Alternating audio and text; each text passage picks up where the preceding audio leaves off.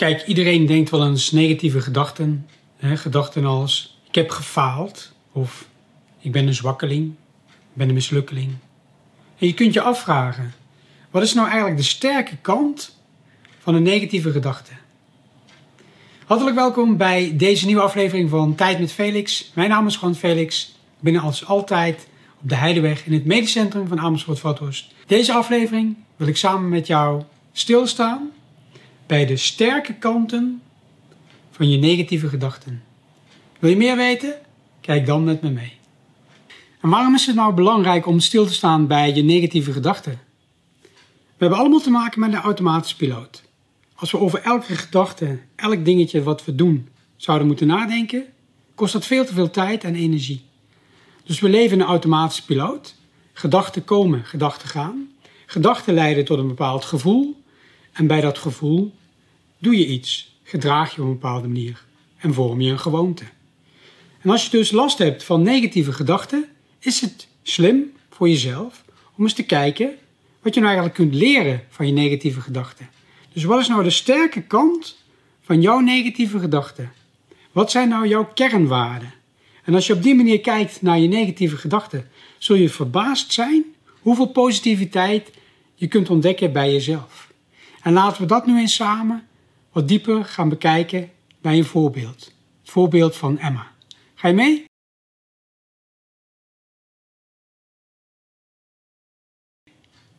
Emma, jong meisje, krijgt regelmatig te horen van haar vader of moeder: Kom op, niet huilen. Kom op, grote meid zijn. Stel je niet aan. En Emma, die merkt als ze ouder wordt dat ze de controle wil houden. Ze denkt: ik mag niet ziek zijn. En ze voelt de spanning in haar lichaam groeien. Op haar werk doet ze ongelooflijk haar best. En op een gegeven moment, door de chronische spanning die ze voelt in haar lichaam, valt ze op een gegeven moment uit. En op dat moment denkt Emma: Ik ben een zwakkeling. Ik heb gefaald. En als Emma dan bij een therapeut komt, is het belangrijk om het volgende te doen.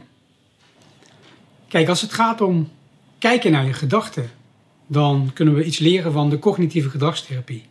En de psychiater David Burns, die ook het bestsellerboek heeft geschreven Feeling Good en onlangs een nieuwe editie met de titel Feeling Great, die heeft een techniek en die heet positive reframing, oftewel het positieve herkaderen.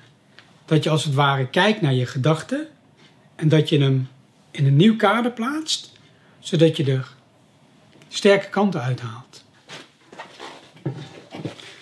Kijk, als Emma, die last heeft van chronische spanning in haar lichaam, last krijgt van een burn-out en dus uitvalt in haar werk, en dan met de gedachte bij de therapeut komt van: Ik heb gefaald, ik ben een mislukkeling, ik ben een zwakkeling, dan is het belangrijk om die negatieve gedachten, om die samen te onderzoeken en te kijken naar de sterke kanten daarvan. Want als Emma denkt: ik ben een mislukkeling, ik heb gefaald, ik ben een zwakkeling, dan is de eerste sterke kant daarvan dat Emma de verantwoordelijkheid neemt voor haarzelf. Zij vindt dat zij iets anders had kunnen doen. Dus ze verwijst niet naar de buitenwereld is niet oké, nee, ik had het anders kunnen doen. Dus dat is een positieve kant van Emma. Emma draagt verantwoordelijkheid. Als Emma de gedachte denkt: ik ben een zwakkeling, ik ben een mislukkeling, ik heb gefaald, dan vraagt het moed van Emma om dat te denken. Dus Emma toont heel veel moed om zo naar haarzelf te kijken. En als je naar de gedachte kijkt: ik heb gefaald, ik ben een zwakkeling, ik ben een mislukkeling, dan is dat eigenlijk een contrastgedachte van wat Emma echt wil in haar leven.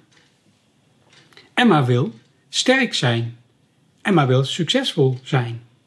En de manier waarop ze dat tot nu toe heeft gedaan, is door haar eigen gevoelens weg te drukken. Want dat heeft ze immers geleerd als jong meisje. Ze moest altijd sterk zijn. Ze mocht haar verdriet niet laten zien.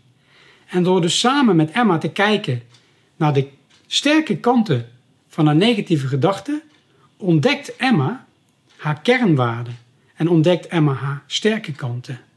En op die manier kunnen we Emma helpen om weer in balans te komen. In balans te komen met haar gevoel. En vervolgens, doordat ze in balans is met haar gevoel, dat haar lichaam ook ontspant. En dan zal Emma vanzelf ontdekken dat ze anders gaat denken over haarzelf. En dat is dus de kracht van positieve reframing. Mocht je daar meer over willen weten, mocht je eens een keer willen doorpraten naar aanleiding van deze video, dan ben je natuurlijk van harte welkom in mijn praktijkruimte. Kan ook online. Je kunt in ieder geval altijd via mijn gratis spreekuur een afspraak maken. Via de website. De link vind je onder aan deze video.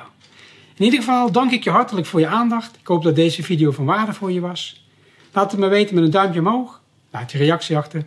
En ik hoop je heel graag weer te zien bij een nieuwe aflevering van Tijd met Felix. Dag!